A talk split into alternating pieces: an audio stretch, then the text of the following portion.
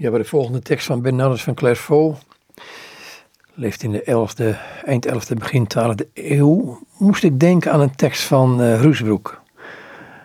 Ga uit hem tegemoet, over de vijf dwazen en vijf wijze meisjes die de bruidegom tegemoet gaan. Bernardus schreef deze overwegingen bij het Hooglied. Van al de bewegingen van de ziel, van haar gevoelens en affecties, is de liefde de enige die het schepsel in staat stelt om haar schepper te beantwoorden.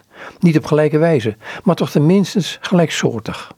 De liefde van de bruidegom, of liever de bruidegom die liefde is, vraagt slechts om een wederkerige en trouwe liefde.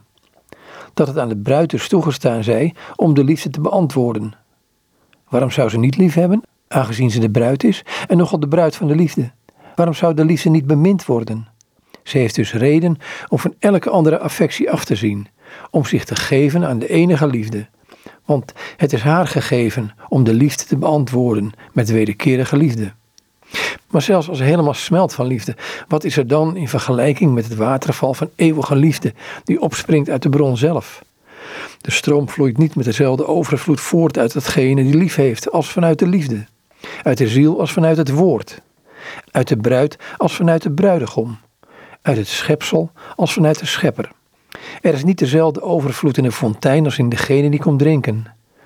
Dus zal het zuchten van de bruid, haar liefdesvuur, haar vertrouwensvol wachten ter vergeef zijn, omdat ze niet kan rivaliseren met haar held op zijn tocht.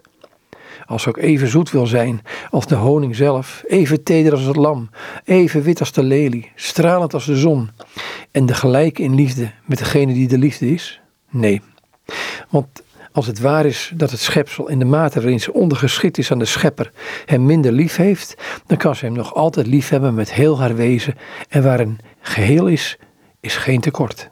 Dat is zuivere en belangeloze liefde. De meest gevoelige liefde, als ook de meest vredige en oprechte, wederzijdse, intieme, sterke liefde, die de twee geliefden verenigt, niet tot één vlees, maar tot één geest.